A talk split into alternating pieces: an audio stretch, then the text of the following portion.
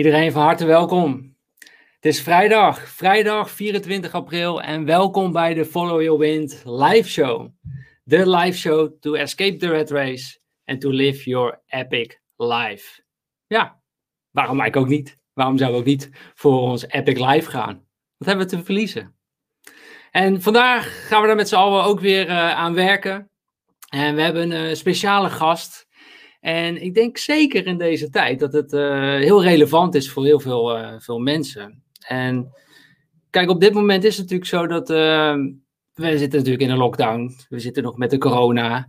En er zijn maatregelen genomen. En de geldpressen die draaien op volle toeren. Dat deden ze natuurlijk al. Alleen ze zijn. Ze zijn eventjes opgeschroefd. Ze draaien nog wat harder. Dus er komt steeds meer geld in de samenleving. Uh, wat ook als gevolg heeft dat er geldontwaarding gaat ontstaan. En de vraag is natuurlijk, um, ja, hoe gaat dat, wat voor effect gaat dat op ons hebben? Hoe gaan we daarmee om? Wat ga je doen met uh, je verdiende geld, met je spaargeld? En een van, er zijn verschillende dingen die je natuurlijk kan doen. En een van die dingen die je zou kunnen doen, en waar wij zelf persoonlijk, Nicole en ik, fan van zijn, is, is vastgoed. En zoals je weet, we hebben een huis in Malaga wat we ook uh, verhuren. Op dit moment niet, want we wonen er nu zelf in. Uh, maar we willen jullie graag bijpraten over vastgoed. Voor wie is het nou? Voor wie is het niet? En daarvoor hebben we een, een speciale gast voor je uitgenodigd. Ik ben, ik ben zelf echt super blij dat ze tijd voor ons heeft, uh, heeft vrijgemaakt. Ze heeft zelf heel veel ervaring. Ze heeft pri privé heeft ze zes winkels met haar. En ze is nu bezig ook om met, te gaan kijken naar, naar huizen, naar, de, naar 30 kamers. En met haar bedrijf actief heeft ze 88 woonheden. Dus het is echt iemand met heel veel ervaring en die ons gewoon even gaat updaten, gaat bijpraten over vastgoed. Dus ik ben blij dat ze tijd voor ons vrijmaakt. En ik zou zeggen, laten we haar met z'n allen, met z'n allen, ook jij, je zit achter die knoppen, kom op, even weer wakker worden. We zijn er. Geef haar een groot applaus. En hoe kan je dat doen? Want dat kan je doen. Druk, smash even op dat duimpje. Dat lijkje, dat duimpje, dat staat voor het grote applaus voor onze gast, Mitte de Groot. Hallo. Ja, ik kan alleen jou zien klappen, maar toch bedankt. ja, nou, ik zie de duimpjes uh, onze, om onze oren vliegen. Dus dankjewel voor het geven van uh, het duimpje. Dat staat voor het grote applaus uh, voor Mitte. Mitte, dankjewel en fijn dat je in de, de live show wilt zijn en dat je vrij, tijd voor ons vrij wilt, wilt maken. Leuk dat ik erbij mag zijn. Ja, en nou, we gaan het dus hebben over beleggen in vastgoed. En Mitte, ik heb heel veel vragen gekregen van onze kijkers. Hè, van wat, wat, is nou een goede vastgoed aankoop? Is het nu wel een goede tijd om nog vastgoed te kopen? Over leningen, wat zijn goede en slechte leningen? Uh, koop je het met je bedrijf of privé? Nou, ik, ik, kan nog wel even doorgaan. Wat is een goed rendement? En dus wees bereid, Mitte. Er zullen een aantal vragen jouw kant op komen. en het leuke is. Ja, en het leuke is, het is ook een live show. Dus kijken, als jij nu mee zit te doen, Nee, je doet mee, want je zit te kijken. Maar je kunt ook live vragen stellen. Ik zal in de gaten houden de chat ook. En daar als een relevante vraag is die goed uitkomt, dan ga ik die ook voor je, voor je stellen. Dus doe mee en stel ook zeker uh, je vragen. En dan gaan we van start met de Follow Your Wind live show. En, en, en, voordat we echt van start gaan, ik wil nog één ding zeggen met, en met jullie, uh, met jullie delen. Is van oké, wat is nou eigenlijk ook het idee van deze Follow Your Wind live show? Nou, het is een live show waarin we praten over ondernemen en investeren. En daar wil ik wel meteen zo'n hele grote box omheen zetten, eigenlijk als, als disclaimer. Is dat wij, wat wij vandaag met jou gaan delen, het is, het is slechts een idee. Weet je, het is, het is niet de waarheid, het is slechts een idee wat wij hebben. En waar wij je voor willen uitnodigen, is dat jij zelf een visie gaat ontwikkelen. Dat je je eigen waarheid gaat uh, creëren, zodat je kunt leven op je eigen voorwaarden. Want dat is waar Follow Your Wind voor staat. En wat je zult merken als je daarvoor gaat, het geeft je zingeving, het laat je groeien. En als bijproduct heb je dan succes en geluk. Dus laten we dat met z'n allen doen. En ik vind het wel heel erg leuk om te zien met z'n allen dat de Follow Your Wind community, het wordt steeds groter. En ik heb jou nog niet laten zien, uh, Mitte. Maar er zijn steeds meer mensen die in Follow Your Wind gewoon lopen. En er wordt uh, gesport. Hier in Mission Possible. En dat is een van onze t-shirts die we hebben. En wat je dus kunt, kunt doen, weet je, ons idee is om alle live shows gratis te houden.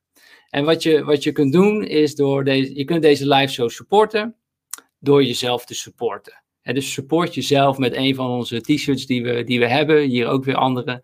Links in beeld, ze wonen hier uh, vlak in de buurt bij ons in, in Malaga. En uh, Esmee. Dus je kunt de, de live show supporten. Dan kunnen we het gratis voor je houden door um, ja, een van onze artikelen Follow Your Wind in de, in de shop te kopen. We hebben, we hebben hoodies. We hebben, we hebben, hier hebben we een hoodie. We hebben, we hebben t-shirts. En we hebben ook, uh, ook caps. En als laatste nog, zo heel erg leuk. We gaan internationaal mitten.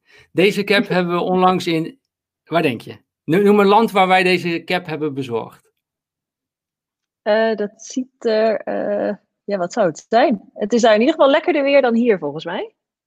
Het is Nieuw-Zeeland. Uh, oh, wat tof. Dat ik een heel eind uit de richting meteen. nou, konden we nog verder met Follow Your Wind, hè? We zitten in, we zitten in Nieuw-Zeeland. Dus uh, bedankt voor je support. Stel we zeer op prijs. En we gaan nog heel veel gave live shows voor je organiseren. En laten we er nu echt ook in gaan duiken van oké, beleggen in vastgoed. En ik ben wel allereerst benieuwd, uh, ook benieuwd naar jou, Mitte. Hoe ben, hoe ben jij eigenlijk in het vastgoed gerold? uh, op een ongewone wijze. Ik um, heb altijd bij een uitzendbureau gewerkt en ik wilde graag voor mezelf beginnen. Ik dacht, dit kan ik ook. Toen ben ik naar een lokale vastgoedeigenaar gegaan om een pand te huren. En toen kwam ik met die eigenaar in gesprek over vastgoed. En ik zat daar op kantoor om me heen te kijken. En ik ben nogal een efficiëntiefreak van mezelf. En ik zat daar en ik dacht, oh, wat een chaos. Terwijl het in mijn hoofd een hele grote vastgoedeigenaar was met heel veel vastgoed. Ik had bedacht, die hebben dat super strak georganiseerd. En je komt ergens binnen in zo'n kantoor met marmeren vloeren en geen veldje. En, maar er zaten gewoon zes mensen van hot naar her te rennen. Uh, en zolang ik daar zat, dacht ik de hele tijd: oké, dit moet anders kunnen. Dit moet efficiënter kunnen. Uh, toen ben ik met die eigenaar in gesprek gegaan van waar loop jij als eigenaar nou tegenaan? Dat is misschien ook wel beroepsdeformatie als je uit het uitzenden komt, dat je het interessant vindt om te weten waar mensen tegenaan lopen of wat ze drijft. En uh, we raakten in gesprek en ik ben, ik denk twee uur later de deur uitgelopen met het idee uh, achter actief. En ik ben in plaats van een uitzendbureau met een vastgoedbedrijf begonnen. Wauw, wat een mooi verhaal. ja, dus, ja, dus dat liep even anders. ja, maar het, het, kwam, je, je zag dus iets in de markt. Je dacht van, hé, hey, dat, dat kan ik eigenlijk veel beter. Terwijl andere mensen daar al, al jaren mee, uh, mee bezig zijn. Wellicht er ook een ja. beetje in, in vastgeroest waren ja, nee, je merkte in vastgoed inderdaad, dat, dat ging altijd goed. Die markt heeft nou, nooit echt een hele diepe dalen gekend. Iedereen is daar altijd prima tevreden geweest. En als iedereen prima tevreden is, is er weinig drang om het beter te maken, merkte ik. Alle makelaars deden eigenlijk hetzelfde, alle beheerders deden hetzelfde, alle advocaten deden hetzelfde. En ik zat daartussen zonder enige vastgoedkennis met, nou, dit moet wat frisser en wat vlotter en wat minder uh, grijze pakken en uh, loshangende Rolexen en wat meer laagdrempelig en, uh, en vrolijk. En daar bleek best wel markt naar te zijn. Dus ik ben met die ene eigenaar begonnen en twee jaar later waren we met z'n 22 Dus dat ging best wow. oké okay op kantoor. Ja, maar ik, ik denk er ook dat er wel iets hangt van dat vastgoed eigenlijk alleen voor de rijken is of alleen voor de mensen in de pakken en met de Rolex. Maar jij kijkt ja. daar wel anders naar, toch?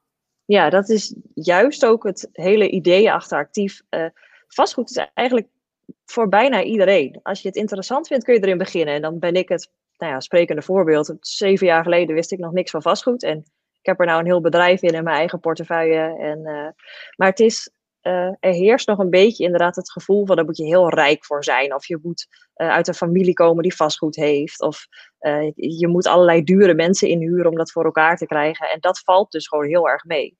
Dus het idee achter actief was ook, wij helpen mensen die het leuk vinden om te leren over vastgoed. En dat kan ook zijn als je al een hele portefeuille hebt, maar als je het niet hebt, leren wij je ook graag hoe je het wel kunt opbouwen. En dan vinden we het belangrijk dat je het zelf kan en dat je niet afhankelijk bent van ons of van een ander bureau of uh, bedrijf. We vinden het het leukst om te delen wat wij hebben geleerd, zodat je het zelf goed kan. Ja, het is mooi. En ik, ik denk juist dat, uh, dat er ook heel veel creatieve mensen zijn die aan het kijken zijn. Juist als je heel creatief bent en je hebt die creatieve ideeën, dan kun je in, in, met vastgoed kun je zoveel waarde creëren, eigenlijk vanuit het niets, zeg maar, naar, uh, naar heel veel. En um, jij bent ook eigenlijk vanuit het niets gewoon uh, begonnen. En ik, ik, heb dat, uh, ik, heb, ik dacht eraan aan de, tijdens het voorbereiden, dacht ik, oh, ik ga twee fotootjes even laten, laten zien. Um, want kijk, waar andere mensen zeggen van, ik moet er vanaf, ik zie er niks in, zijn de andere mensen weer, ik zie er juist wel wat in. En die hebben dat creatieve idee. En als je ja. dat hebt, dan heb je niet altijd ook het geld nodig. Dan kun je juist met dat cre creativiteit kun je heel veel bereiken. En ja. laat ik, ik heb deze foto nog nooit gedeeld, maar dit is toen wij met de makelaar uh, in ons Malaka Beach House uh, kwamen. Toen zag het huis er, uh, er zo uit. Dit is hoe wij erin stapten. En, en dit hebben we gekocht. En we hebben het ook aan mensen laten zien toen we het gekocht hadden. En toen was het zo. En zij dachten, ja, waar, waar begin je aan, weet je? en, en, en, en, ze zagen het gewoon niet. En we moesten het telkens uitleggen. Maar dit is het geworden. Oh, wauw.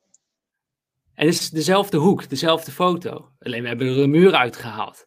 En, en, en dat is wat ik je wil laten, laten zien, is dat je juist met, met, als je creatief bent, kun je heel veel waarde creëren. Weet je, dit huis krijg je niet verhuurd, als het er zo uitziet. Wel, welke Noord-Europeaan wil er eigenlijk nou in zo'n huis gaan zitten?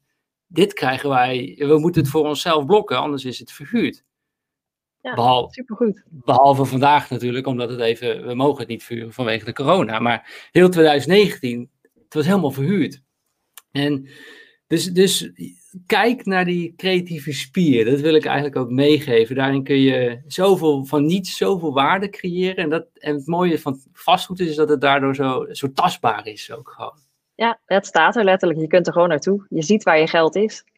Ja. En, en Mitte, jij, jij was eigenlijk toch begonnen meer met, uh, met winkelpanden? Ja, uh, voor, voor mezelf wel ja. Dat is uh, ook een beetje die waarde creëren wat jij zegt.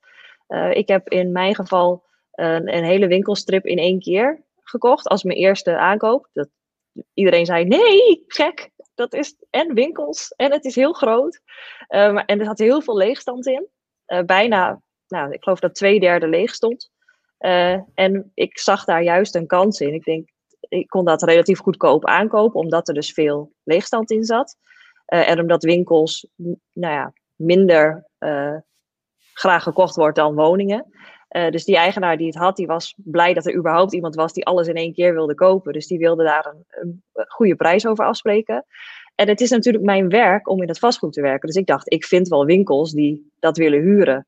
Uh, dus ik ben in de tijd dat wij aan het onderhandelen waren, meteen al losgegaan met allerlei uh, ketens bellen van willen jullie niet naar Emmen? En uh, ik bijvoorbeeld de Sperp Express gebeld, die hadden wij nog niet in, in Emmen.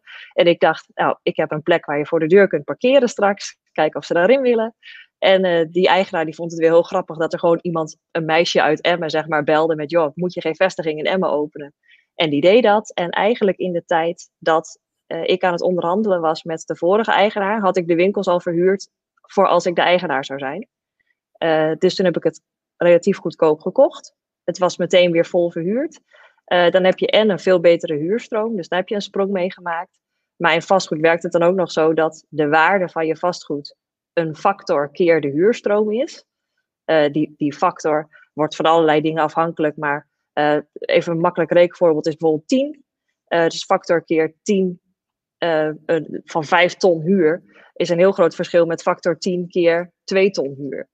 dus in de waarde maakte ik ook meteen een hele grote sprong. En dat is wat ik dus leuk vind. Dat is mijn eigen ding ook, net als wat jullie met je beachhouse hebben gedaan, dat heb ik in winkels gedaan. Je ziet iets waar andere mensen van denken, nou, dat weet ik niet.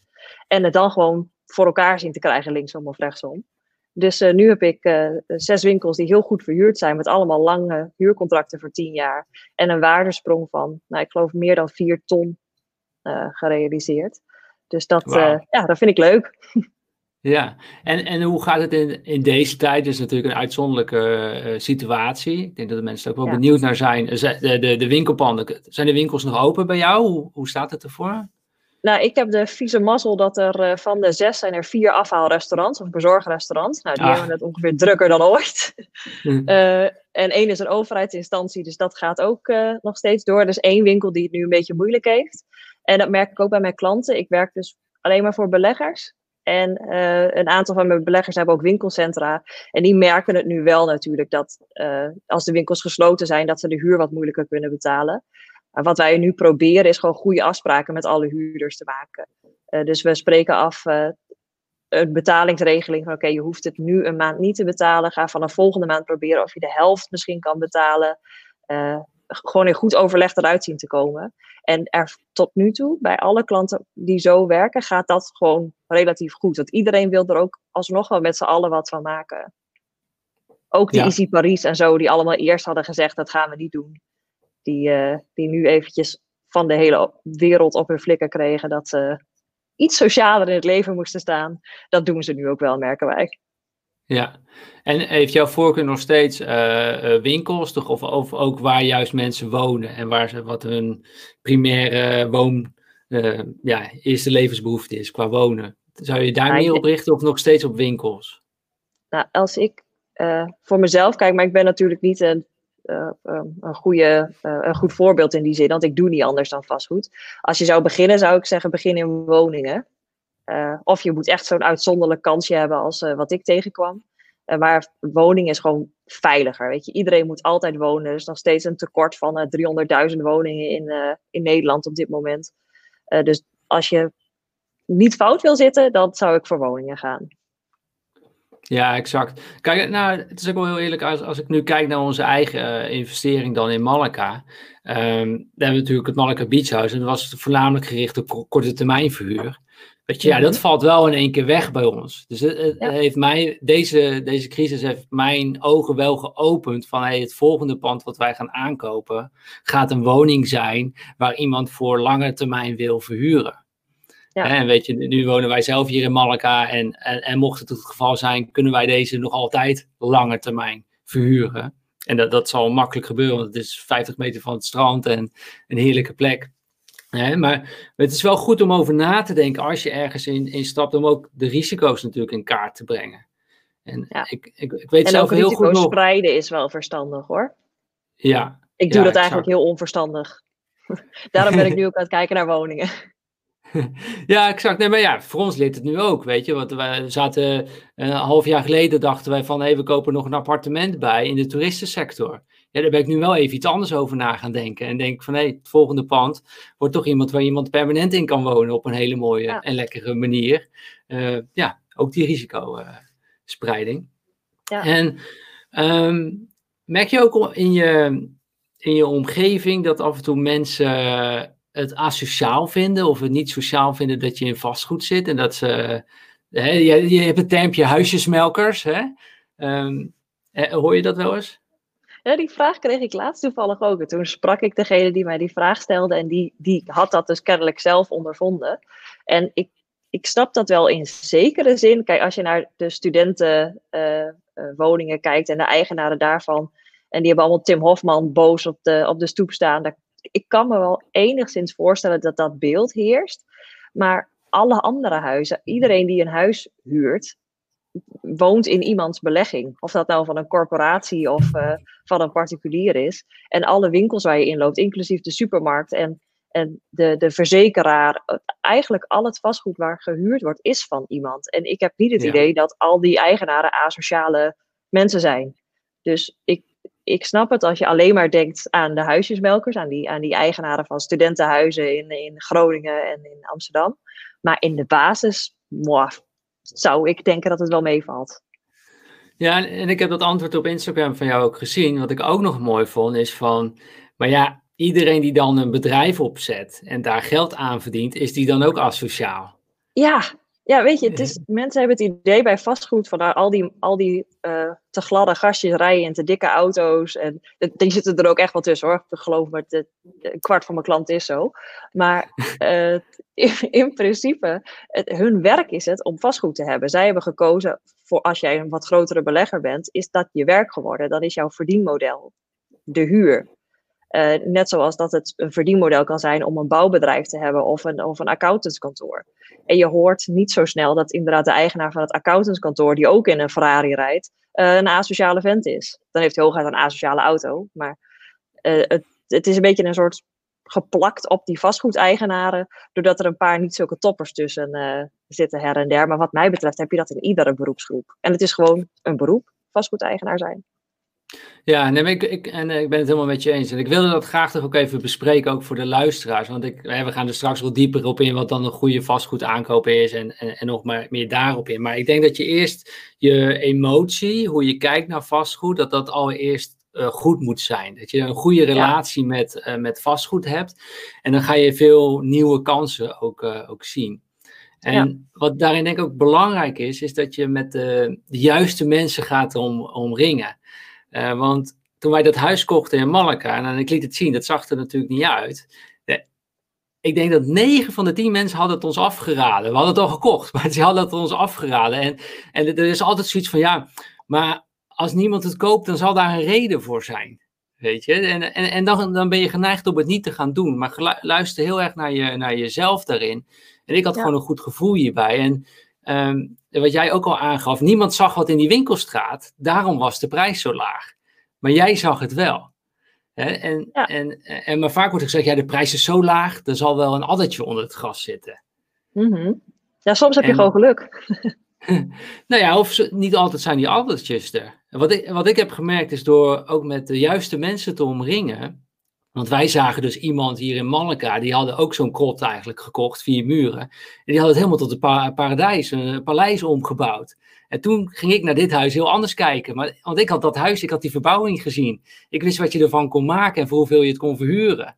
Snap je? Dus door met andere mensen weer te omringen, zie je ook weer veel meer kansen. En heb je wel het vertrouwen om het uh, te doen. En dat is ook de reden waarom we dit organiseren, weet je, om ja. ook een andere kijker op uh, te hebben. Ja, vastgoed is ook wel echt een netwerkwereldje hoor. Dat, het is wat dat betreft nog vrij ouderwets. Het helpt heel erg als je mensen kent die het al doen of die ergens al heel goed in zijn of die al heel veel vastgoed hebben. Want dan kan je de kunst een beetje afkijken. Je kan, uh, als, ze, als het je gunnen, dan drukken ze je soms net even ergens een beetje tussen waar je anders niet zo makkelijk uh, tussen kon komen. Dus vastgoed is in ieder geval in Nederland ook nog wel redelijk een netwerk uh, wereldje. Ja. Je moet een beetje je wagentje kunnen hangen aan iemand die er al wat van weet of die, die er al uh, iets mee doet. Ja, en, en het grappige is dus, je kunt dus ook de, de, de visie hebben van het zijn allemaal huisjesmelkertjes, hè, of huizen, huisjesmelkers. Um, ja. Maar als je gaat kijken, je kunt, je kunt ook al je geld in een pensioenfonds stoppen. Maar wat doen ze dan met het geld? Gaan ze het Pas ook beleggen? ja, dus waarom, als zij dat dan doen, als dat een goede inbelegging zien voor je, omdat het meer gaat rendement oplevert, waarom doe je het dan niet zelf? Ja, mijn personeel heeft ook geen pensioenopbouw. Wij kopen gewoon vastgoed. En het rendement is voor het pensioen van iedereen die hier werkt. Want dit, als wij het in een pensioenfonds storten, kopen ze vastgoed. Dus sla liever die schakel over en het salaris van de directeur van het pensioenfonds. En we kopen gewoon zelf het vastgoed. Wauw, dat is mooi zeg. Daar ga ik ook over nadenken. Dat is echt dat mooi. is veel slimmer. ja, ja. Nee, maar dus, dus, dus iets meer werk. Ja, ja, dus, dus het is goed voor de kijker om daar ook bewust van te zijn. Wat, wat doen als je, als je het gaat beleggen of je geeft je geld aan iemand anders aan een pensioenfonds? Wat doen zij ermee? Nou ja, zit er ja. dus ook in vastgoed.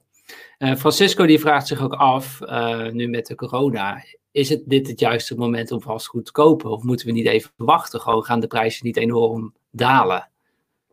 Ja, ik vind dat, ja, het is een beetje koffiedik kijken natuurlijk. Uh, maar als ik nu kijk wat er zo om me heen gebeurt, is het enige wat je ziet, is dat de rentes ietsje aan het stijgen zijn op de, vastgoedfinancieringen. Uh, maar de prijzen dalen nog niet heel hard. En als je kijkt aan naar de behoeftes in de markt, verwacht ik ook niet dat dat een heel erg groot verschil gaat maken. Uh, dus, maar af, ja, ik zeg, ik ben geen waarzegger, maar ik, nou, ik denk dat het nog steeds wel veilig is om nu vastgoed te kopen. En als je toch al serieus mee bezig bent, zou ik het misschien wel iets sneller doen dan nog langer wachten. Vooral omdat de rentes dus iets aan het stijgen zijn uh, op dit moment. Ja, en, maar misschien is dit ook wel iets waar heel veel mensen in blijven, uh, blijven hangen, weet je. Is het van altijd -hmm. wachten totdat die markt uh, naar beneden gaat en dan staat die weer beneden. Ja, is dit wel het dieptepunt? Moeten we niet nog even wachten? Hè, staat die ja. hoog? Dan wordt er weer gezegd, nou ja, hij staat te hoog. Maar is dat eigenlijk wel de, de berekening die we moeten maken? Of is er nou, een andere we, berekening die we kunnen maken? Nou ja, je, je leeft gewoon in een conjunctuureconomie. Dus het gaat af en toe omhoog en af en toe omlaag. En uh, nou ja, ik denk niet dat er ooit een ideaal moment is om iets te kopen. ik, ik bedenk er altijd maar zo, uh, als je het nu op de bank hebt staan, dan levert het in ieder geval niks op of het kost haast geld. Uh, en als je het kan beleggen in iets wat veilig is, waar, waar je zelf een goed gevoel bij hebt, met een rendement waar je tevreden over bent, ja, dan, dan levert het dat altijd meer op dan dat je gaat zitten wachten tot er uh, over drie maanden misschien iets binnenkomt. Als je nu iets kan kopen en dat gaat 5% renderen, dan heb je in vier maanden alweer geld verdiend wat je anders niet had verdiend met wachten. En voor hetzelfde geld zakt die markt niet of stijgt die juist. Of als het voor jou op dit moment kan, en je, je bent eraan toe, dan zou ik altijd zeggen gewoon doen. Zonder om niet te doen. Ja. Nou ja, en ook gewoon, kijk, ten eerste denk ik dat je voorbereid moet zijn. Weet je, want anders loop je altijd ja. achter de markt uh, aan. Dus gewoon echt voorbereid zijn. Van oké, okay, wat vergt het dan voor mij? Hoeveel, hoeveel cashgeld heb ik nodig? Want het is in de meeste ja. gevallen nodig. Hoeveel kan je lenen? En dan is het denk ik ook gewoon, gewoon doorrekenen, toch? Hoe, hoe, hoe doe jij dat als je naar een aankoop kijkt? Wat, wat is voor jou belangrijk daarin? ja, dat is heel irritant. Ik zeg altijd eerst rekenen en dan überhaupt pas gaan kijken. Dus de, mensen worden helemaal niet enthousiast als ik ze ga helpen, want ze moeten eerst rendementsberekeningen maken. Uh, heel saai. Je moet, ja, echt heel saai, maar wel de basis. Ja, ja. Weet je, je, je huis waar je zelf gaat wonen, daar moet je echt een gevoel bij hebben. Weet je, daar moet je jezelf zien wonen, daar moet je een toekomst voor je zien. Maar een huis als belegging moet je, los van dat je het wel leuk moet vinden, in de basis wat zakelijker bekijken. Het moet geld opleveren. Dat is het hele idee van een uh, investering. Uh, dus ik maak altijd eerst als ik iets uh, zie, dan kijk ik naar de vierkante meters en een beetje wat is het. In mijn geval dan winkels, als het woningen zijn, staat het ergens waar ik het goed kan verhuren. als dat het geval is, en dat kun je heel prima op, op Funda even checken hoeveel staat er te huur, of je belt even naar een lokale makelaar. dan ga ik een rendementsberekening maken. Dus wat is de huurstroom? Wat, wat komt er aan huur binnen of zou er binnen kunnen komen? Uh, hoeveel geld heb ik nodig om het te kopen? Ga ik dat financieren? En dan zou ik altijd ja zeggen. En hoeveel ga ik dan financieren? En dan wat ga je aan rente betalen? En dan heb je eigenlijk al globaal je kostenkant kun je dan berekenen. Het huis kost dit, ik financier dat, ik betaal zoveel rente. Uh, dan hou je een beetje rekening met uh, wat kost me onderhoud en een makelaar of een beheerder. Als je op berekenhet.nl zoekt op belegging of verhuren woning of zo, staat daar een hele handige rekentool uh, voor. Dan hoef je daar helemaal niet uit je hoofd te doen of een heel ingewikkeld Excel van te maken. Um, maar dan bereken je dat. Dan heb je globaal een idee, oké, levert het me meer op dan dat het me kost? En dan het liefst zoveel mogelijk moet het opleveren ten opzichte van wat het kost. En in mijn geval, pas als dat boven de 5 of 6 procent uitkomt aan rendement, ga ik verder kijken. Dan ga ik ook echt pas heen of uh, uh, kijken wat er verder moet gebeuren. Want daaronder vind ik het gewoon te weinig rendement in vastgoed om er echt je best voor te gaan doen en tijd in te gaan steken. En dan kijk je 5 à 6 uh, procent rendement op jouw vermogen, vermogen. Wat, je, wat je inlegt. En dat ja. is per jaar. Ja. Ja. He, dus dit ja. geeft wel echt een indicatie van uh, hoe jij er naar kijkt, zeg maar, en wat voor jou wat minimale voorwaarde is. Ja, dat is, nou ja, kijk, en als je iets kan kopen omdat je kinderen er eerst in kunnen wonen uh, terwijl ze studeren, dan is dat natuurlijk een heel ander verhaal. Dan kan je rendement op dat moment heel laag zijn. Maar hou dan even rekening met wat doet het dan als mijn kinderen uit dat huis gaan? kan ik het dan nog verhuren? En hoeveel heb ik dan afbetaald? Het moet wel ergens, het moet geen geld kosten, dat is het zonde. Dat is het eigenlijk ja. meer. Ja, en is deze uh, cashflow per jaar, en of de, überhaupt de cashflow, is dat voor jou belangrijker dan een eventuele waardestijging van het huis? Nee, dat is maar net een beetje wat je eigen uh, insteek is. Kijk, je hebt direct rendement en indirect rendement, waarbij het directe rendement dus is de cashflow, wat je er in de maand van op je rekening gestort krijgt, min of meer. Uh, en dan heb je je indirect rendement, is de waardestijging van je vastgoed. Uh, dat heb Of ik dan met mijn eigen winkel. Ja, nou gaan we uit van stijging. nee, dat is wat ik dus bijvoorbeeld met mijn winkels heb. Dat is echt een, een waardestijging geweest. Omdat je het nu dus beter hebt verhuurd, is het vastgoed meer waard geworden. En die waarde die je daar hebt, is ook weer geld waard. En met die waarde die je creëert, die overwaarde, kun je zelfs weer nieuw vastgoed kopen. Dus het is, je moet voor jezelf gewoon goed kijken, wil ik er nu meteen geld aan verdienen? Of wil ik het misschien als pensioenpotje gebruiken voor de lange termijn? Dan maakt het me voor nu in de maand niet zo heel veel uit. Maar als ik over 20 jaar of 30 jaar niks meer wil doen, levert het me dan geld op? En dat, dan steek je het heel anders in. maar momenteel is de markt ook nog wel zo goed dat je het allebei kunt hebben. Dat je en goed direct rendement en goed indirect rendement kan, kan hebben. Maar dit is wel goed. Dus eigenlijk moet je een, uh, een profiel voor jezelf opmaken. Uh, wat, voor, wat, voor profiel ben je? Ben je, heel, uh, ben je een agressieve koper of meer conservatief? Wil je meer, is het de cashflow per maand, dat er iedere maand positieve euro's binnenkomen? Of is het belangrijk, kijk je meer, dat je denkt dat je later voor meer kunt verkopen? Ja, en dat je dus eigenlijk voor jezelf eigenlijk een soort vastgoedprofiel gaat gaat, gaat schetsen. Ja, ja, en ook hoe snel wil je groeien? Wil je, wil je één aankoop doen, dus alleen voor je kinderen? Of uh, wil je er straks uh, twintig woningen hebben of twintig winkels? En dan moet je een iets andere strategie kiezen dan dat je er één koopt en dat het is. Dus je ja. moet echt voor jezelf goed in kaart brengen van wat wil ik, wat durf ik, waar voel ik me comfortabel bij en wat is mijn doel ermee. Ja, dat is wel grappig. Ik heb heel erg dus gekeken alleen naar de cashflow. En ik, ik heb die hele waardestijging van het huis, natuurlijk weet ik het. Ik heb de prijzen hier. Iemand heeft uh, twee jaar geleden iets voor twee ton gekocht, heeft het nu voor vier ton verkocht. Of een, uh, een half jaar geleden, en nu, nu niet dan. Uh, snap je, heb ik wel gezien, maar ik heb dat altijd buiten mijn berekeningen gehouden. Ik, heb, ik ben heel erg van de cashflow per maand. Dus ik, voor mij was het altijd, ik wil, ik wil investeren, maar het moet direct cashflow positief per maand opleveren. En anders doe ik het niet gewoon. En dat, het heeft wel toe geleid dat ik uh, heel veel woningen heb gezien en het uiteindelijk niet heb gedaan. Omdat het uiteindelijk niet goed was, zeg maar. Maar mm -hmm. toch dat pareltje gevonden. Um, maar dat hoeft niet voor iedereen zo te zijn. Het is maar net wat voor profiel je hebt, inderdaad. Ja, ja en ik ken hele grote beleggers, zeg maar mijn grootste klanten. Uh, en die hebben echt, uh, nou, zeg maar 5000 woningen plus. Die zijn juist ook wel heel erg op het indirecte rendement. Die hebben ook ja. de luxe, want die hebben vaak best wel het geld om het af te kunnen wachten. Maar die kopen dan uh, in laagconjunctuur heel veel vastgoed tegen lagere prijzen. En laten het lekker zo staan en doorkabbelen voor, uh, voor vijf of tien jaar.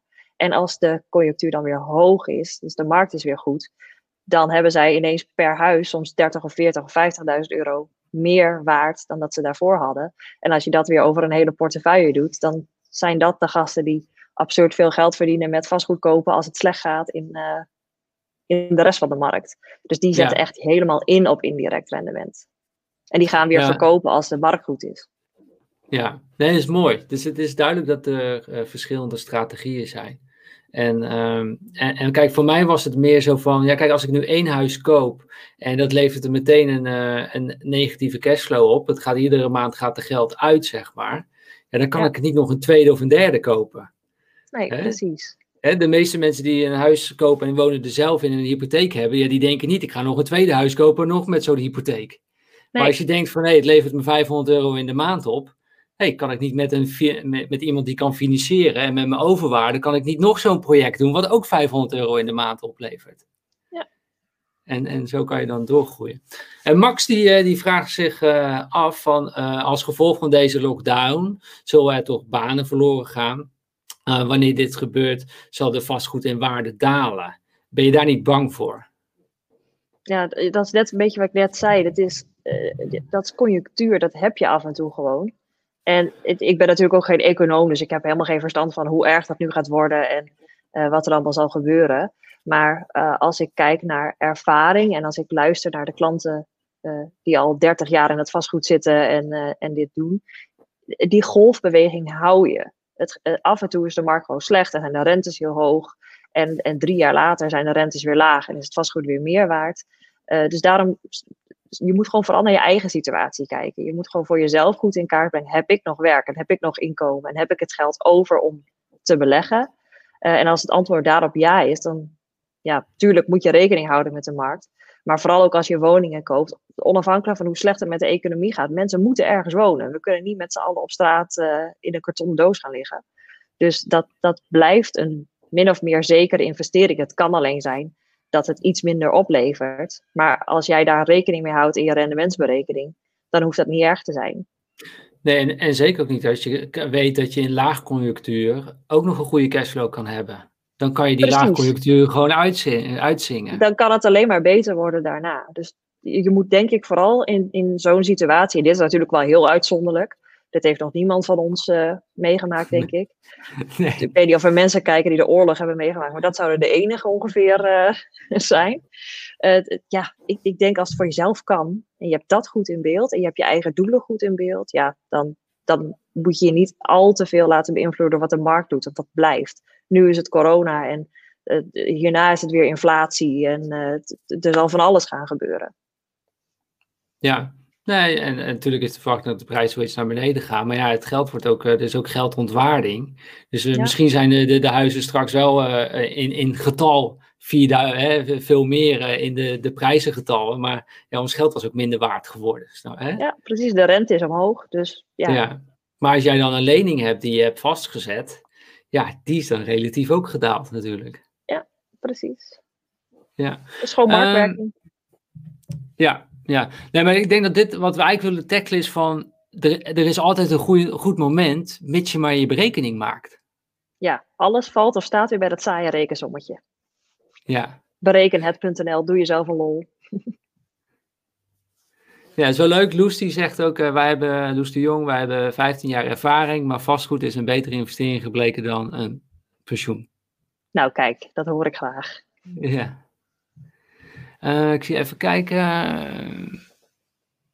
Ah ja, dit gaat al met. De, ik zie twee interessante vragen. Uh, een, van, een van de vragen is, uh, even kijken, iets terug van Anoushka. Uh, voor het verhuren in woningen heb je eigen ver, vermogen nodig, toch? Mm -hmm. Uh, hoeveel, hoeveel, hoeveel, hoeveel, hoe kijk jij daarnaar? Wat is jouw ervaring? dit, wordt, dit wordt een technisch verhaal. Uh, je, je hebt in de basis eigen vermogen nodig om vastgoed te kopen. Uh, maar het hoeft niet per se. Kijk, je, hebt, je kunt vastgoed volledig met je eigen geld kopen. Als je 100.000 euro hebt, kun je met jouw eigen 100.000 euro een huis van nou, iets minder dan 100.000 euro kopen. Want je moet nog de notaris en dat soort dingen betalen. Maar je kunt ook naar de bank gaan of naar een financier en zeggen: betaal jij met mij mee? Uh, dan is, zou, is het in een woning normaal dat een financier 70% ongeveer financiert en dan doe jij zelf 30%. Uh, eh, dan heb je dus in plaats van dat je 100.000 euro kwijt bent, ben je nou, zeg maar 30.000 euro uh, kwijt in dit geval. En de financier doet 70.000 euro mee. Over die 70.000 euro betaal je rente. Dat kost geld. Maar gemiddeld gezien brengt de huur die je, die je binnenkrijgt, dus het geld wat je overhoudt, is meer dan het je kost om geld te lenen. Uh, dat klinkt een beetje ingewikkeld, maar kort door de bocht betekent het eigenlijk uh, geld lenen levert meer op dan alles helemaal zelf betalen. Uh, wat dus weer als gevolg heeft dat je met relatief weinig eigen vermogen toch al wel snel een aankoop kunt doen. Dus als je, nou, weet ik veel, 20 of 25.000 euro hebt, kun je al best wel gaan kijken naar een leuke aankoop. En je kunt het zelfs helemaal zonder je eigen geld. Dan moet je je eigen, je eigen inbreng weer lenen van iemand anders die jou dat geld leent. Ja, dan zou je bijna een, eh, een privélening bij iemand uh, hebben, ja, zeg maar. Dat zou ik alleen maar doen als het echt een heel goed project is hoor. Als je zeker weet dat er heel veel geld er binnenkomt. Anders zou ik altijd zeggen, een beetje van je eigen geld erin doen. Uh, dan kan er ook een keer wat tegen zitten als je als de huur opgezegd wordt en je kan de bank niet betalen, dan uh, zit je er niet helemaal voor 100% in, zeg maar. Nee, ja, en het lijkt me ook verstandig, weet je. Als je er zelf niet in, wil investeren, waarom zou iemand anders jou dan een lening gaan, uh, gaan geven? Terwijl jij, hè, als jij nog helemaal nul ervaring in vastgoed hebt. Weet je, als jij heel veel ervaring hebt in, in vastgoed, je hebt al meerdere panden, je hebt het succesvol al voor vijf jaar gedaan, weet je, dan, dan, dan kom je wellicht in de situatie dat je de, de overwaarde van je huis kan gebruiken of externe financiers kunt gebruiken. En, dan, dan, en het is bizar dat je dus zonder extra eigen vermogen kan je nog een vastgoedpand kopen. Ja, ja dat is echt hoe vastgoed werkt. Je, je hebt dat hefboom-effect wat ik dus net uitlegde, dat je meer geld verdient door te lenen dan uh, het niet te doen, zeg maar. En vervolgens, als je een project goed doet en je verhuurt het goed, uh, wordt het meer waard. En met dat soort van monopoliegeld wat daarin zit, die meerwaarde die, die nergens staat, kun je weer een nieuwe financiering krijgen. En zo sneeuwbal je steeds door. Uh, en zo bouw je dus uiteindelijk een, gewoon een grote vastgoedportefeuille op als je dat wil. Want je tweede project doet weer hetzelfde. Die heeft als het goed is ook weer meerwaarde. En dan kun je daar weer je derde van kopen. Misschien verdien je met je bedrijf in de tussentijd weer een beetje extra geld. Dan denk je, ach, ik doe er nou eens twee in één keer of drie, want ik kan een leuk appartementencomplexje kopen of uh, iets in die geest. Ja, en dit, dit is waarom het zo belangrijk is, denk ik, ook om jezelf hierin op te leiden en bewust van te worden hoe het, uh, hoe het spel uh, gespeeld wordt. En dat je dus niet miljonair hoeft te zijn om je eerste vastgoed te kopen. En dat nee. je zelfs in, op een gegeven moment zonder eigen vermogen nog meer vastgoed kan kopen. Ik wil niet zeggen dat ik dat wil aanbevelen, want ik denk dat het nee, heel gezond is. Heel gezond is om juist eigen vermogen erin te hebben. Uh, maar het hangt ook weer van je risicoprofiel af. Weet je, ik, ik wil weinig risico lopen, dus ik heb meer afbetaald. Maar dat is, dat is mijn profiel. Het gaat ja. er denk ik om dat je, uh, dat je dat, jouw profiel gaat ontwikkelen. Maar dat je ziet dat je zo door kunt groeien. En stel je voor dat je naar vijf panden komt. Weet je, vijf panden al, weet je. Dan kun je ja. dus hoe ga je daar tegen opwerken? Daar kan je niet tegen opwerken. Dat, nee. Als je dat goed doet, dan kan je niet tegen aanwerken. En je lost nee. af als je het geld leent. Dus om, je, hebt ook de, je hebt het niet door, maar je spaart eigenlijk ook nog. Want je lost af naar de bank. Dus als je tien jaar verder bent, dan heb je daar eigenlijk niks van gemerkt. Want je hebt gerekend met, het, met de huur die je overhoudt in je rendementsberekening. Dus daar ga je vanuit. Maar als je dan 10 of 15 jaar verder bent, heb je ineens ook dat jouw hele deel wat je geleend hebt al nagenoeg afgelost. Uh, dus heb je ook nog je, je hypotheek, zeg maar, vrij. Net als met je eigen huis. En dan heb je ineens nog veel meer waarde. Ja, ja, dus het kan ook echt heel zinvol zijn om gewoon even wat zuiniger te leven en, en naar die 30.000 euro toe te groeien. En te gaan kijken hoe je met uh, vermogen kunt opbouwen met, uh, met, met vastgoed. En eigenlijk, een, zoals wij het noemen, een, uh, een IPB'tje, een inkomend producerende bezitting op te zetten. Ja, precies. ja, en ja, ik krijg je. IPB'tje. Ja, de IPB'tjes, hè. En die kun je gaan stapelen, dus, snap je? Ja. Dus dat, dat is het mooie idee. Ik zie hier een interessante vraag van Arthur, dat vindt Reinier ook. Het is een beetje een idee en een vraag in, uh, in één. Zodra je zelf een huis gekocht hebt en verhuurd met eigen vermogen, of ja, gekocht met eigen vermogen denk ik, kan je dan bij een bank aanklompen om met de huuropbrengst per maand een tweede hypotheek voor een volgende woning te kopen. En, daar, en die ook weer voor de verhuur. Dus eigenlijk van de, de inkomsten van, je, je hebt een eerste huis, de, de inkomsten, de positieve inkomsten, de positieve cashflow, is eigenlijk inkomen kan je naar een bank toe gaan en kan die, zou die op basis daarvan weer een financiering willen geven? Dat, dat hoeft eigenlijk niet eens heel erg. Kijk, het is, um, een vastgoedfinanciering is heel anders dan je eigen hypotheek. Dat, uh, dat is ook vaak een beetje een, een mindset die je moet leren. Uh, je eigen hypotheek kijken ze naar jou als persoon. Wie ben jij? Wat verdien je? Heb je een vast contract? Uh, hoe lang heb je je eigen bedrijf al? ze willen dan de zekerheid van jou, zeg maar, als mens. Maar bij een vastgoedfinanciering kijkt een financier veel meer naar de investering. Dus die kijkt naar, uh, oké, dit, dit huis of deze winkel staat hier. Die kost dit. Die is dit waard, een taxatiewaarde. Uh, en die levert dit op aan huur. Dus vinden we dat veilig of niet? En dan kijken ze veel minder naar wie jij bent als persoon of wat voor inkomen je genereert. Uh, ze willen wel natuurlijk weten aan wie ze een financiering verstrekken. Dus ze checken heus al of je geen gekke dingen hebt gedaan en geen uh, faillissement op je naam hebt. Maar ze kijken veel minder naar, jou, uh, naar jouw inkomen, want jij gaat daar niet zelf wonen. Dat, dat project moet zichzelf kunnen bedruipen en daar moet je geld op verdienen. Dus dat berekenen ze veel meer dan dat ze kijken naar wat jij verdient of wat je aan huur uit een andere woning binnenkrijgt. Maar dan ga je meer naar een vastgoedbank voor een vastgoedhypotheek. Uh, ja, als je een belegging koopt, moet je überhaupt eigenlijk een beleggingsfinanciering hebben in plaats van een, een gewone hypotheek. Want ja. voor een gewone hypotheek moet je er ook zelf wonen. Uh, dus ja, je moet sowieso een beleggingshypotheek uh, hebben. Ja, zit er nog verschil in qua rente? Waar, waar, moeten we aan denken op dit moment? Ja, tot voor deze week, zeg maar. kon je, kon je financieren tegen, tussen nou, zeg maar 2 en 5 procent is, uh, is heel normaal afhankelijk van je project en hoeveel je ergens gefinancierd hebt. Want ook daarvoor geldt weer, hoe meer geld je leent, hoe beter je rentes worden. Uh, super tegen natuurlijk. Hm. Maar als je voor een miljoen uh, leent bij een bank, kan je, krijg je veel betere rentepercentages dan dat je voor 10 euro leent. maar het laatste project wat wij hebben gefinancierd was 2,3 procent. En ze duwden ons net deze week even 2,6 door onze strot. Maar je moet uh, tussen de 2 en de 5 moet je kunnen doen aan rente. Ja, dus dat is, hè, iedereen heeft altijd uh, 4 tot 5 procent. Uh, die verhalen gaan over vastgoedhypotheken vaak in het ronde. Dat lees je ook veel op internet. En dan hoor ja. ik nu dus 2,3, 2,8. Ja, je moet gewoon ook een beetje goed shoppen. Je moet zelf ook wel kritisch zijn. Uh, en een beetje durven. Kijk, voor een bank is het ook weer hun verdienmodel om dat geld uit te lenen. En iedereen die denkt altijd dat je ja en amen en meneer tegen iemand bij de bank moet zeggen. Maar zij verdienen op dat ze jouw geld lenen. Dus je kan daar ook gewoon onderhandelen en stevig in zijn. En zeggen, top, ik heb het zo berekend, dus ik wil graag deze rente betalen. En als je met 2% meer komt, dan ga ik gewoon naar de meneer bij de buren. En dan gaan we daar kijken. En dan zul je zien dat banken ook vaak denken, tja, ja, we willen ook wel een langdurige relatie met deze persoon opbouwen. Want die heeft kennelijk de ambitie om meer vastgoed te gaan kopen. Dus daar kunnen we meer geld aan lenen en dan verdienen we weer meer. Dus laten we hem een iets gunstigere rente geven en dan uh, zijn, is iedereen blij, zeg maar. Dan binden zij een klant aan zich en jij hebt de rente die je graag wil. Dus je moet gewoon shoppen.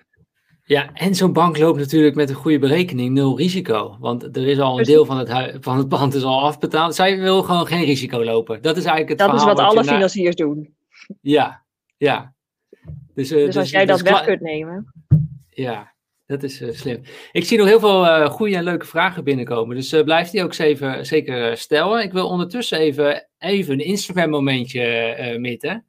Dus of we met z'n twee even, of met z'n allen. Dus iedereen, pak ook de kijkers, pak even je telefoon erbij. En dan maken we met z'n allen even een, een, foto. En dan kunnen we die ook op, op Instagram delen. Ik zet even nog een, een bannertje aan. Dus wat is het idee? We maken zo een foto met z'n allen. Uh, en uh, ja, deel die op Instagram of op Facebook waar je, waar je op zit. En uh, tag even apenstaartje Nicole Stijn. Dan zullen wij het ook weer delen. Fotootje? Zeker. Oké. Okay. Lachen. En het is wel heel cool. Dat we op dit moment zijn we ook live. We zijn live met 131 kijkers. Hey! Ja, wat goed. Is toch gewoon waanzinnig, joh. Ik, we zijn zo blij dat jullie er zijn. Dus we, we hopen ook dat jullie het heel, heel interessant vinden. Laat ook even weten in de chat, weet je. Is het, is het interessant voor, uh, voor jullie? En, Als je niks je, vindt, mag je het ook zeggen. Als je niks vindt, mag je het ook, uh, ook zeggen natuurlijk. Maar, maar stel dan een goede vraag. Want dan kunnen we die vraag stellen natuurlijk, weet je. Eens even kijken. Ja, dit is, dit is iets, iets andere trant uh, is, de, is, is deze mythe. En dit is van uh, Philip, is van het innen van, uh, van huurgelden en de eventuele mhm. aanmaning bij wanbetaling. Doe je dat zelf of laat je dit doen door een rentmeester? Hm. Ja, ik denk dat ja, Philip Belgisch is, of niet? Dat denk, maar dat snap ik wat hij bedoelt. Ja, leuk, leuk, leuk, leuk dat je erbij bent, Philip. Top. Leuk dat ook mensen Zelfs dit gaat internationaal. Zijn. Ja, Uh, nee, ja, dat verschilt heel erg wat je zelf wil. Kijk, als je één huis hebt, kan ik me voorstellen dat als je je huurder zelf kent en je weet wie het is, uh, dat je die huur gewoon op je eigen rekening laat storten uh, of een factuurtje stuurt en that's it. en wat je gaat doen als je het uit gaat besteden, dat, dat heet in Nederland al beheer. dan neem je een beheerder in de arm en die stuurt namens jou de huurfacturen en in te gelden. En dat kan dan op je eigen rekening binnenkomen of op de rekening van je beheerder. Dat is maar net wat je zelf wil. Uh, je kan daar ook zelf software voor gebruiken. Er zijn een aantal pakketten in de markt die, uh, waar je eigenlijk je vastgoed in invoert. En die kunnen namens jou factuurtjes uh, versturen. je kunt dat helemaal automatiseren om ook het herinneren helemaal automatisch te laten gaan. Daar ga ik weer met mijn efficiëntie freakiness. In mijn geval hoef ik daar niks aan te doen. Alles gaat helemaal automatisch en ik heb er niemand voor in dienst, zeg maar. Dus dat, dat verschilt wat je, maar net wat je zelf fijn vindt. Ja, mooi. Je moet in Nederland een beetje uitkijken voor box 3 risico alleen. Hoe bedoel je dat? Nou, je hebt in, uh, als je je vastgoed privé hebt, uh, dus in box 3 belast, uh, dan verwachten ze dat dat, ver, dat dat vermogensbeheer is. als je, dan moet je het ook behandelen als vermogensbeheer. Dus dat moet je even aandelen bijvoorbeeld als voorbeeld nemen. Daar doe je niet heel erg veel zelf mee, behalve af en toe eens kijken of het goed gaat en Waarschijnlijk heb je iemand bij de bank die dat voor je uh, aankoopt of verkoopt. Of uh, daar doe je minimaal zelf iets mee. En als je met vastgoed heel druk zelf bezig bent, dus je gaat alles zelf verhuren, je gaat zelf verbouwen, je gaat zelf uh, de huur factureren, je gaat zelf de telefoon opnemen, dan wil de Belastingdienst nog wel eens denken, nou, moi, dat is geen normaal vermogensbeheer meer. En dan verschuift het naar box 1, dan is het echt gewoon inkomen uit werk.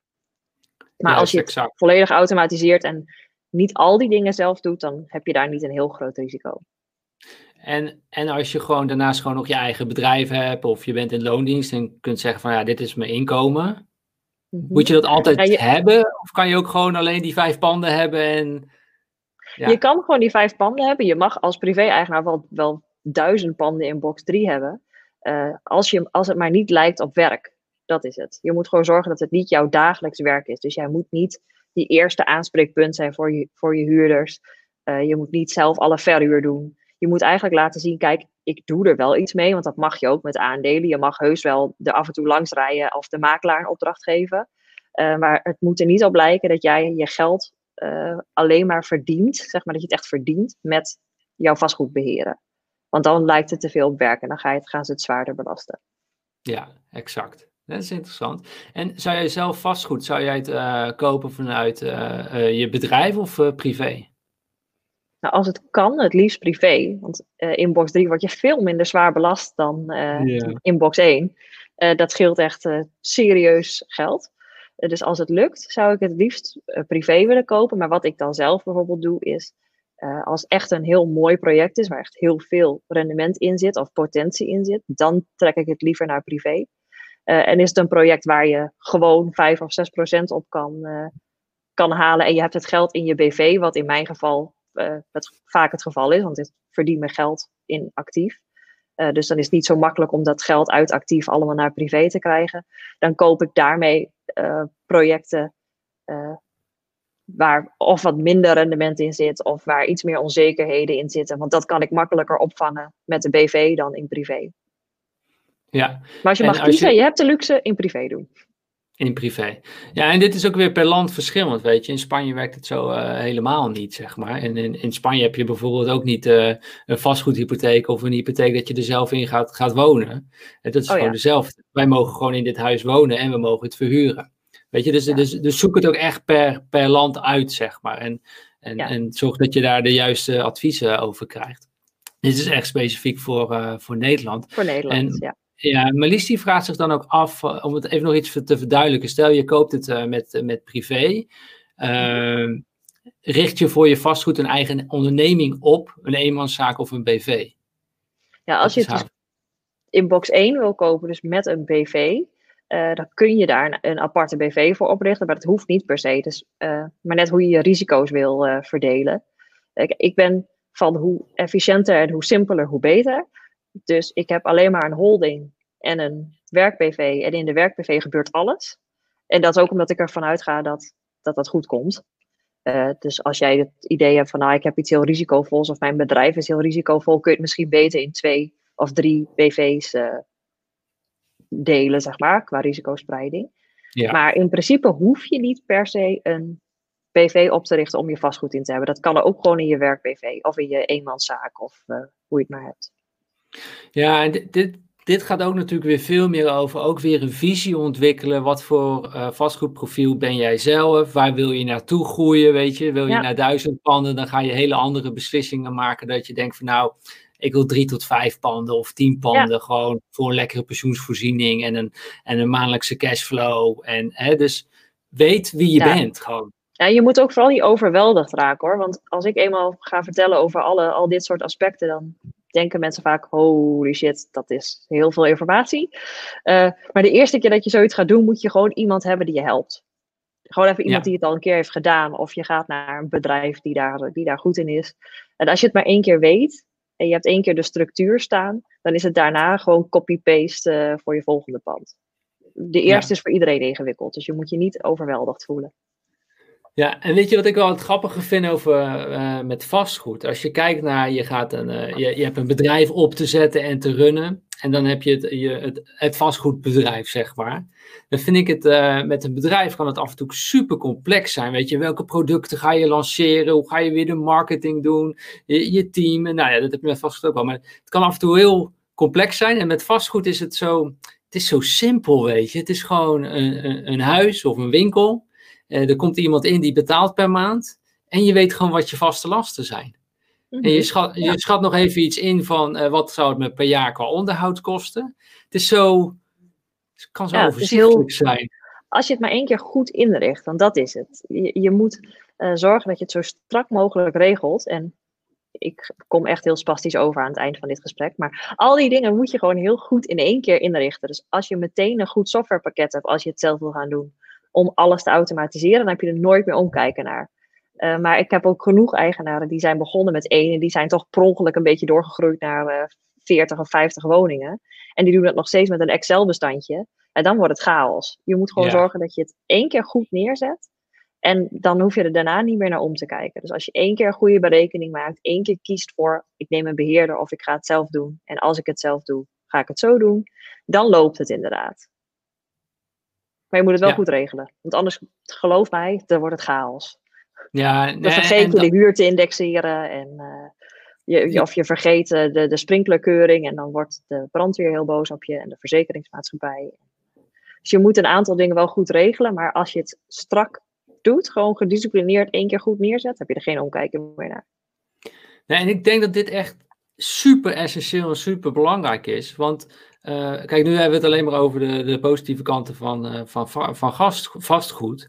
Maar een van de nadelen van vastgoed is dat je geld in stenen zit. En er, zit, er kan veel geld in stenen zitten. En dat kun je er morgen niet even pinnen. Nee, kun je het zit morgen, wel vast het zit echt vast, weet je. Het is niet uh, liquide, het is niet vloeistof. Dus, dus hè, met, met aandelen kan je gewoon, heb, ik wil vandaag gewoon mijn euro's hebben. Uit de aandelen, ik heb mijn euro's weer. En je kunt weer rekeningen betalen. En dat is met, met vastgoed niet. Hè. Dus dat, dat moet je wel heel goed uh, beseffen. En, en daarom is het denk ik essentieel om heel gestructureerd te zijn. Een software systeem te hebben. En altijd dat overzicht. Want het gaat gewoon om enorme bedragen uiteindelijk ook. Nou, het moet je rust opleveren, weet je. Je moet vastgoed hebben, omdat je straks lekker met je voetjes in het zand uh, met pensioen kan. Of je, je moet er beter van worden. Je moet er niet gestrester of onzekerder van worden. Dus dan is mijn ervaring, hoe strakker je dat regelt, hoe beter je dat in één keer neerzet, hoe relaxter je wordt. En dat is het uiteindelijke doel. Je moet gewoon lekker achterover kunnen zitten en denken, nou prima, het staat wel. Zolang het niet in de fik vliegt uh, en mijn huurders niet failliet gaan, dan... Uh, zal het mijn tijd wel duren. Ja, en uh, Freek die vraagt zich af met, met de vraag aan jou. Stel iemand heeft 100.000 euro en wil graag zijn eerste pand kopen om te verhuren en woont zelf in een huurwoning. -hmm. Wat raad je aan en hoe, kun je, hoe kan jij hierin ondersteunen? Hm. Nou, dat is precies wat mijn bedrijf doet. dus Freek, meld je vooral bij actief. nee, ja, je hoeft niet zelf natuurlijk een koophuis te hebben om een investering te gaan doen. Dat, omdat het dus helemaal los van elkaar staat. Dus met die 100.000 euro zou ik gaan kijken naar een, een plaats waar, waarin je vastgoed wil en kan kopen. En voor alle Amsterdammers en de mensen uit Den Haag onder ons, sorry, maar dat is niet bij jullie. Daar kun je dat niet meer uh, voor elkaar krijgen. Uh, en dus met een financier gaan praten van wat kan ik zou ik bij jullie kunnen financieren als ik 100.000 euro eigen vermogen heb om te investeren? Dan heb je alvast een beetje bandbreedte van tevoren, want zij gaan dan zeggen, nou, wij doen maximaal 70 procent. Uh, dus dan kun je berekenen, oké, dit geld kan ik dan uitgeven aan een aankoop. En dan ga je gewoon eens kijken. Ga je gewoon op Funda of je gaat makelaars bellen of andere vastgoedeigenaren vragen. En uh, als je dan iets vindt, ga je weer dat saaie rekensommetje doen. Of die uh, qua rendement uit kan. En dan kun je zo stilletjes aan wel beginnen. Maar een ton is een heel mooi bedrag om mee te kunnen beginnen. Kan je echt al wel een hele leuke aankoop van doen. Of van een paar. Ja, en het is ook het grappige is dat je, ja, je gewoon ook al, het maakt helemaal niet uit dat je zelf huurt, weet je. Ik, ik heb wel eens ooit eens gehoord, en dat is een quote, en die is me eigenlijk altijd bijgebleven, is uh, verhuur wat je bezit en huur waar je woont. ja, en, dat is wel een goeie. En, en, en dat kan je gewoon uh, enorm veel vrijheid en flexibiliteit opleveren. En dan kun je nog steeds op de mooiste plekken zelf wonen. Maar dat huur je dan. Hè? Vaak zijn die, die, die plekken zijn ook niet het beste om te verhuren eigenlijk. Of de beste investering. Maar ja, daar huur je dan gewoon lekker. En als dat gedekt wordt door vijf, pan, vijf panden waar je naartoe bent gegroeid. Dan zit je hartstikke lekker. Ja, dan heb je het helemaal relaxed voor elkaar. Ja. Uh, even kijken. Um, in welke als, je, als we even kijken echt puur naar woningen, en in welke prijsklasse zou je eigenlijk als eerste gaan, uh, gaan zoeken? Ja, uh, dat is dus heel erg afhankelijk van het rendement wat je wil maken. Kijk, als jij voor jezelf heel tevreden bent met uh, 4% of 5% rendement, ja, dan kun je meer uitgeven dan als je 8 of 10 procent rendement wil, wil maken. Maar concreet, ehm, ik denk, hier in het noorden kun je nog bijvoorbeeld prima, ik woon in, in Emmen, voor de mensen die in Nederland zitten. hier kun je gewoon nog voor rond een ton een appartement kopen. En dan is je rekensommetje al snel heel goed. Als je rond een ton iets kan kopen en je kan het verhuren voor rond de huurtoeslaggrens, dat is dan 737 euro, maak je al heel snel richting de 8% rendement. Dus ik zou proberen niet veel meer dan um, nou, 160, 170.000 euro uit te geven als je wil verhuren rond de huurtoeslaggrens. Uh, als je in Amsterdam iets kan kopen voor, voor 4 ton, maar je kan het weer verhuren voor uh, eh, 4000 euro, ja, dan is dat natuurlijk weer een heel ander rekensommetje. Dus je moet hem iedere keer weer terugrekenen naar je rendement. En dan weet je wat je uit kan geven. Ja, ja. En ik hoor altijd met vastgoed locatie, locatie, locatie. Hoe, hoe kijk jij daarnaar? Nou, met commercieel vastgoed vind ik dat wel. Je kan beter een winkel in de Kalverstraat hebben dan uh, in het buurtwinkelcentrum uh, Driehoog achter. Uh, maar met woningen, ja, er is zo'n groot tekort. Dat verhuurt altijd.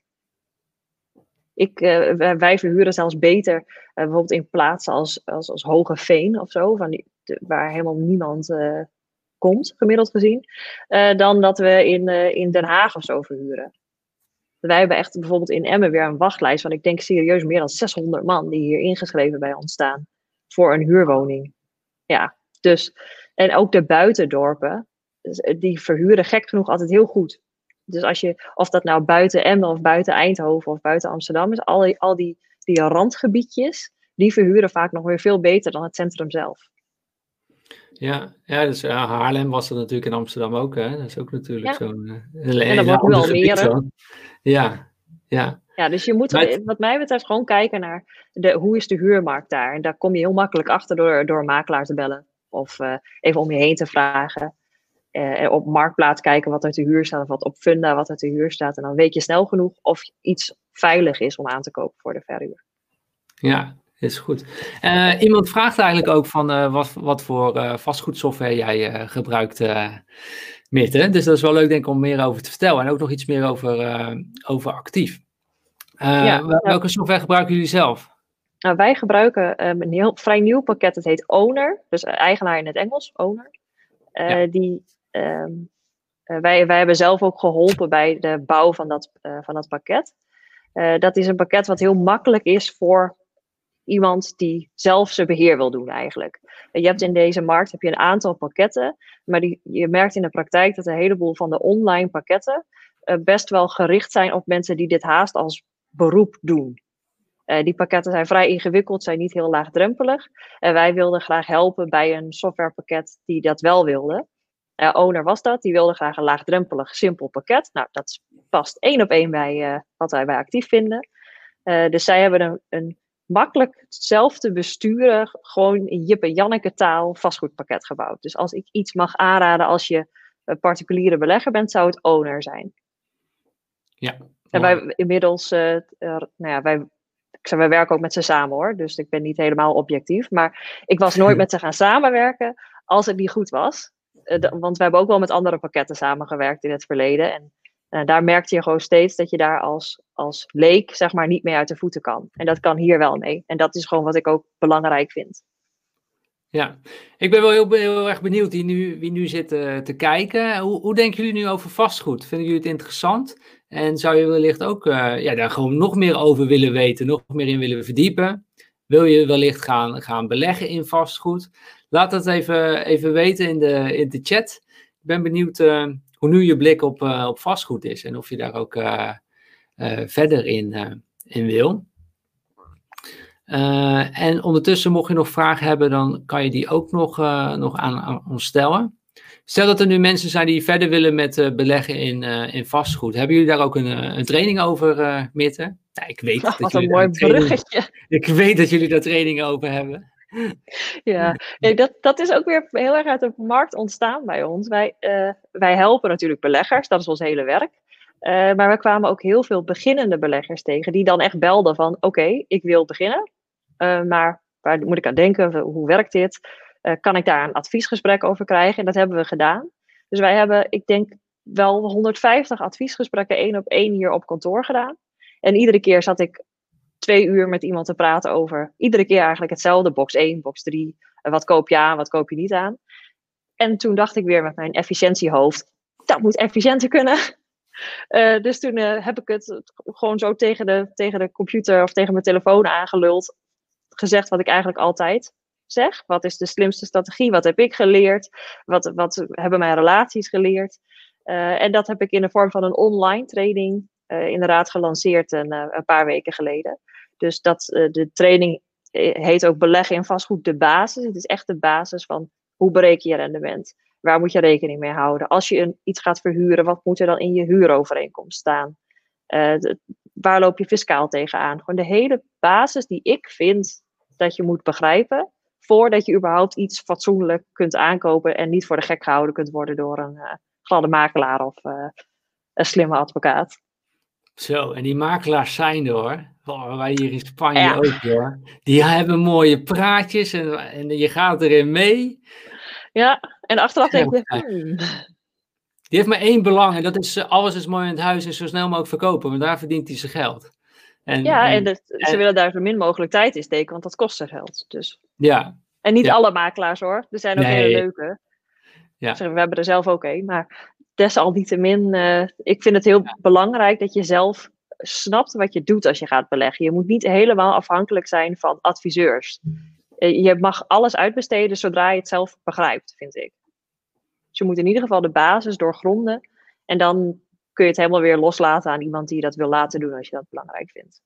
Ja, en, en jij bent daarom nu ook echt, uh, hè, we hebben het er al over gehad, weet je, dat community, je met de juiste mensen omringen en dat je ook uh, kunt, kunt sparren, zeg maar, met mensen die op het, ja, hetzelfde level, hetzelfde niveau denken over vastgoed, weet je, niet het zien als uh, huisjesmelker, maar gewoon als een mooie belegging waarin je mensen ook als ze daarin gaan wonen, dat ze gewoon heerlijk kunnen wonen, weet je.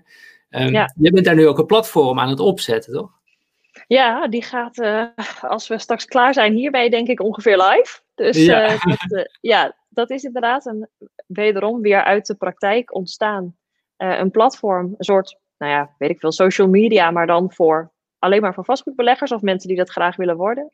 daar kun je ook onze trainingen dus volgen. Dit, dit was er één, maar er komen er nog veel meer. Ik heb oneindig veel ideeën over wat voor trainingen ik kan geven.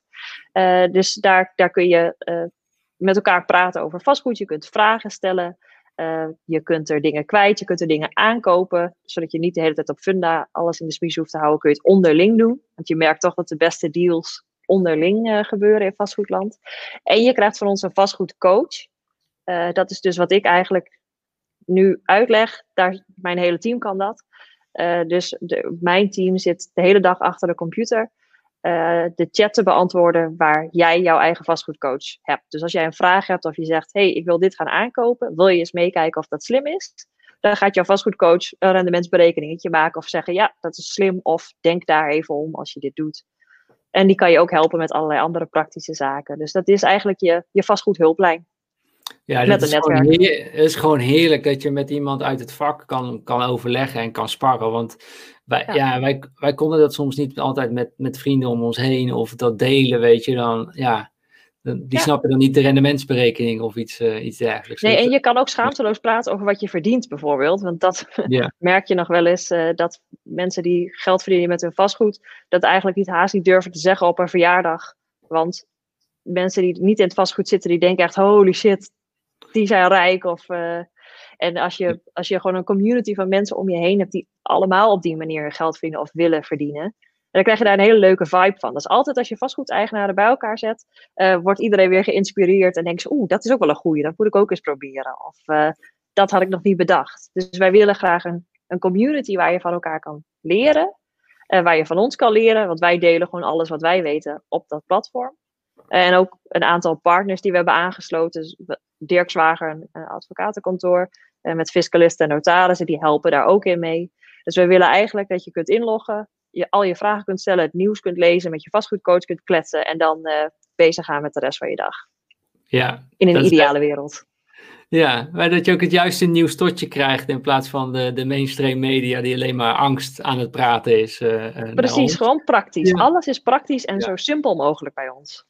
Ja, uh, als mensen, ik heb hier even de link er ook bij gezet. Dus als je gaat naar followyourwind.com slash actief, dan lees je alles over dit uh, platform, wat, uh, wat MIT heeft, heeft opgezet. er zijn drie lidmaatschappen volgens mij, toch? Ja, je kunt gratis lid worden. dan kan je het nieuws meelezen en kan je zien wat er gebeurt. dan heb je niet je vastgoedcoach en training en dat soort dingen. Nou, dan heb je een soort actief lidmaatschap hebben we het genoemd, dat is het middelste lidmaatschap. Uh, daar krijg je alles behalve de trainingen. Dus heb je al wel je vastgoedcoach. En dan heb je het hyperactieve lidmaatschap. Dus als je echt alles wil, uh, dan krijg je alle trainingen, masterclasses, uh, offline events, borrels, al dat soort dingen erbij. Dus je, je kunt gratis lid worden en je kunt hyperactief lid worden. En dan hebben we een beetje afgestemd wat je daarvoor voor krijgt in je lidmaatschap. Ja, exact. En nu is volgens mij het hyperactief is op dit moment 79 euro per maand, toch? Ja. Ja. Dus en dan, het, het actief is 49. Ja, en het middelste is 49. En met, in ieder geval met die, die hyperactief 79 euro heb je ook toegang meteen tot die complete basistraining over beleggen in vastgoed. En dat je helemaal uh, scholt. En je kunt gewoon ook gratis lid worden. Dus neem zeker ook een kijkje op followyourwind.com slash actief. Um, en stel nog even je vraag. Uh, we hebben nog uh, eh, 10 minuten ongeveer.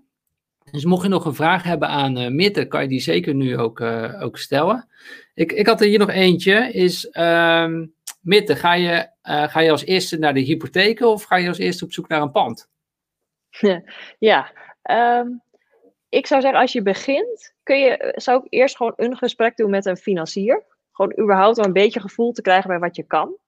Ook in jouw situatie. Uh, want dan weet je ook wat je kunt gaan uitgeven. Dan weet je ook waar je naar kunt gaan zoeken. Maar als je een heel mooi pand tegenkomt of je hoort van hé, hey, dat komt te koop. Of dan kun je het ook andersom doen en dan reken je het gewoon terug. Dan ga je bedenken, oké, voor zoveel kan ik het kopen. Kan ik dat ook betalen? Maar voor je gemoedsrust zou ik zeggen, gewoon eens een keer vrijblijvend praten met wat voor hypotheekverstrekker of iemand die er verstand van heeft ook. Zodat je een beetje weet waar je naar kunt zoeken. Dat is leuker zoeken.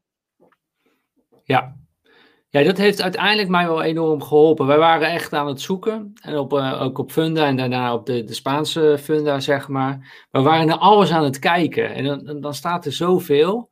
En op een gegeven moment zijn we toch gewoon... Ja, we wisten op een gegeven moment, we gaan in Spanje iets kopen. En hebben we gewoon een hypotheekcheck gedaan. Ja. En uh, dat, dat, was 100 euro moesten wij dan betalen. En dan werd er gewoon een hypotheekcheck gedaan bij de bank. Moesten we allerlei uh, formulieren in, invullen of werden door de hypotheek ingevuld. En kregen wij gewoon terug van de bank van hey, dit is de hypotheek die we gaan verstrekken aan jullie. In dit bedrag zoveel hypotheek ga je, ga je krijgen. En dat bleef dan ook, in Spanje bleef dat drie maanden geldig. Dus dat was, was ideaal eigenlijk. Gewoon ja. het, toen konden we in één keer heel geniest kijken van oké, dit is de range waarin we met eigen inleg en met de inleg van de, van de bank dan, de financiering, konden we kijken. En, en ja, mij heeft het wel geholpen. Je wordt veel specifieker ja. en, en je kunt tenminste ook vijf keer een rendementsberekening maken van vijf panden die... In, ja, ja, die echt concreet zijn. Ja, ja, en dan zie je dat er enorm grote verschillen zijn uh, door de, de, de huuropbrengsten die je, die je verwacht. Of gewoon hoeveel geld ze vragen voor het pand. Dat klopt soms ook totaal niet. Dat gewoon. zijn ongeveer de twee belangrijkste factoren. Ja. Uh, even kijken. Dit is wel een hele technische, economische vraag. Ik kan het woord ik al bijna niet, uh, niet uitspreken. Maar uh, Frank die vraagt zich af. Uh, ik ben echt benieuwd, Mitte en Stijn. Zijn jullie niet bang voor de gevolgen van kwantitatieve easing op de kapitaalmarkt?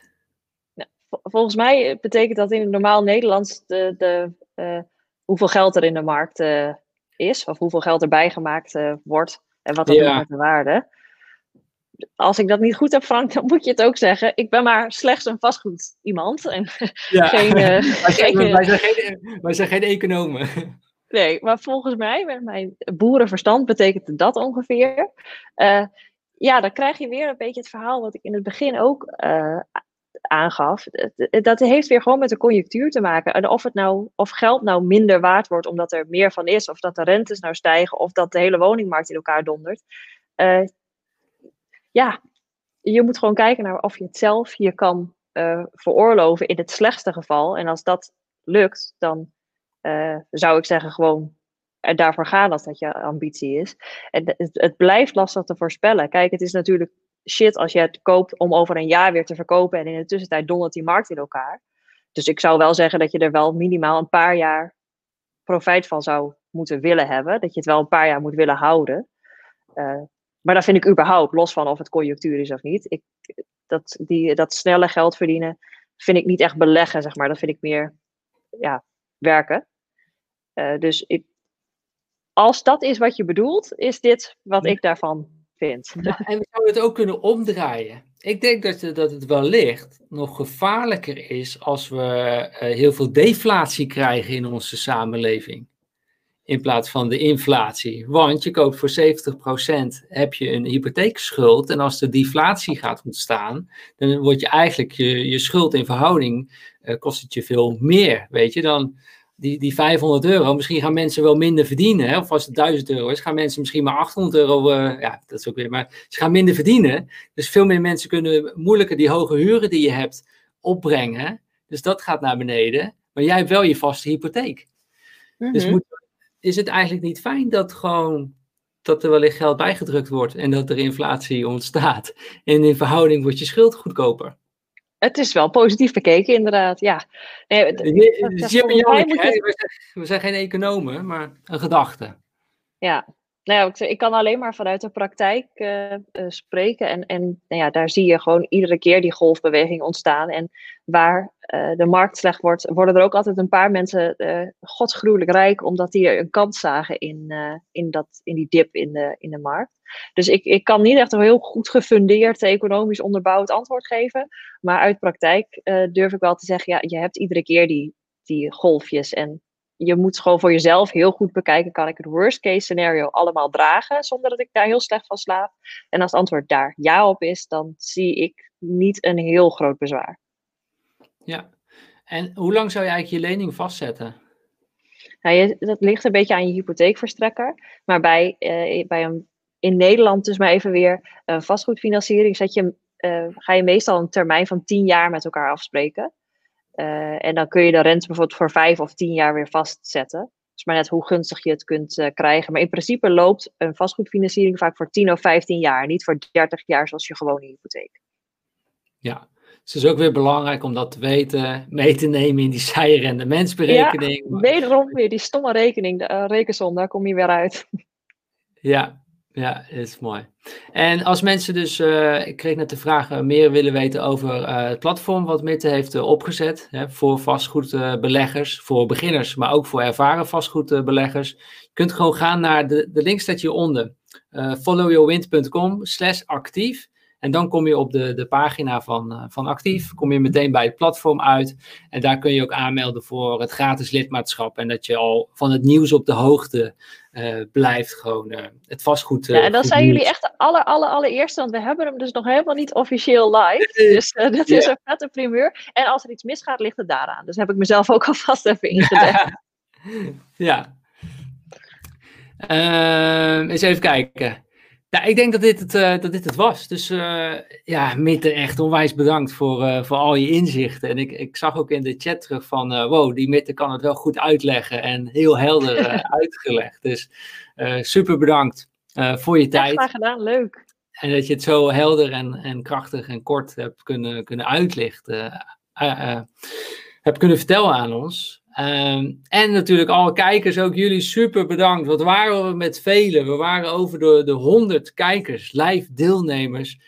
Super bedankt voor jullie support, voor het meedoen, voor de vragen stellen. Weet je, jullie vragen hebben dit gesprek gevormd en dat is zo tof. Hè? Uh, volgende week, volgende week vrijdag zijn we er weer. Zijn we er weer. Gaan we het over ondernemen hebben. Uh, met een heel bijzondere ondernemer gaan we het, uh, gaan we het hebben. Hij komt uit de politiewereld. Uh, en, en denkt op een hele mooie manier. En we gaan het over uh, vrijheid hebben.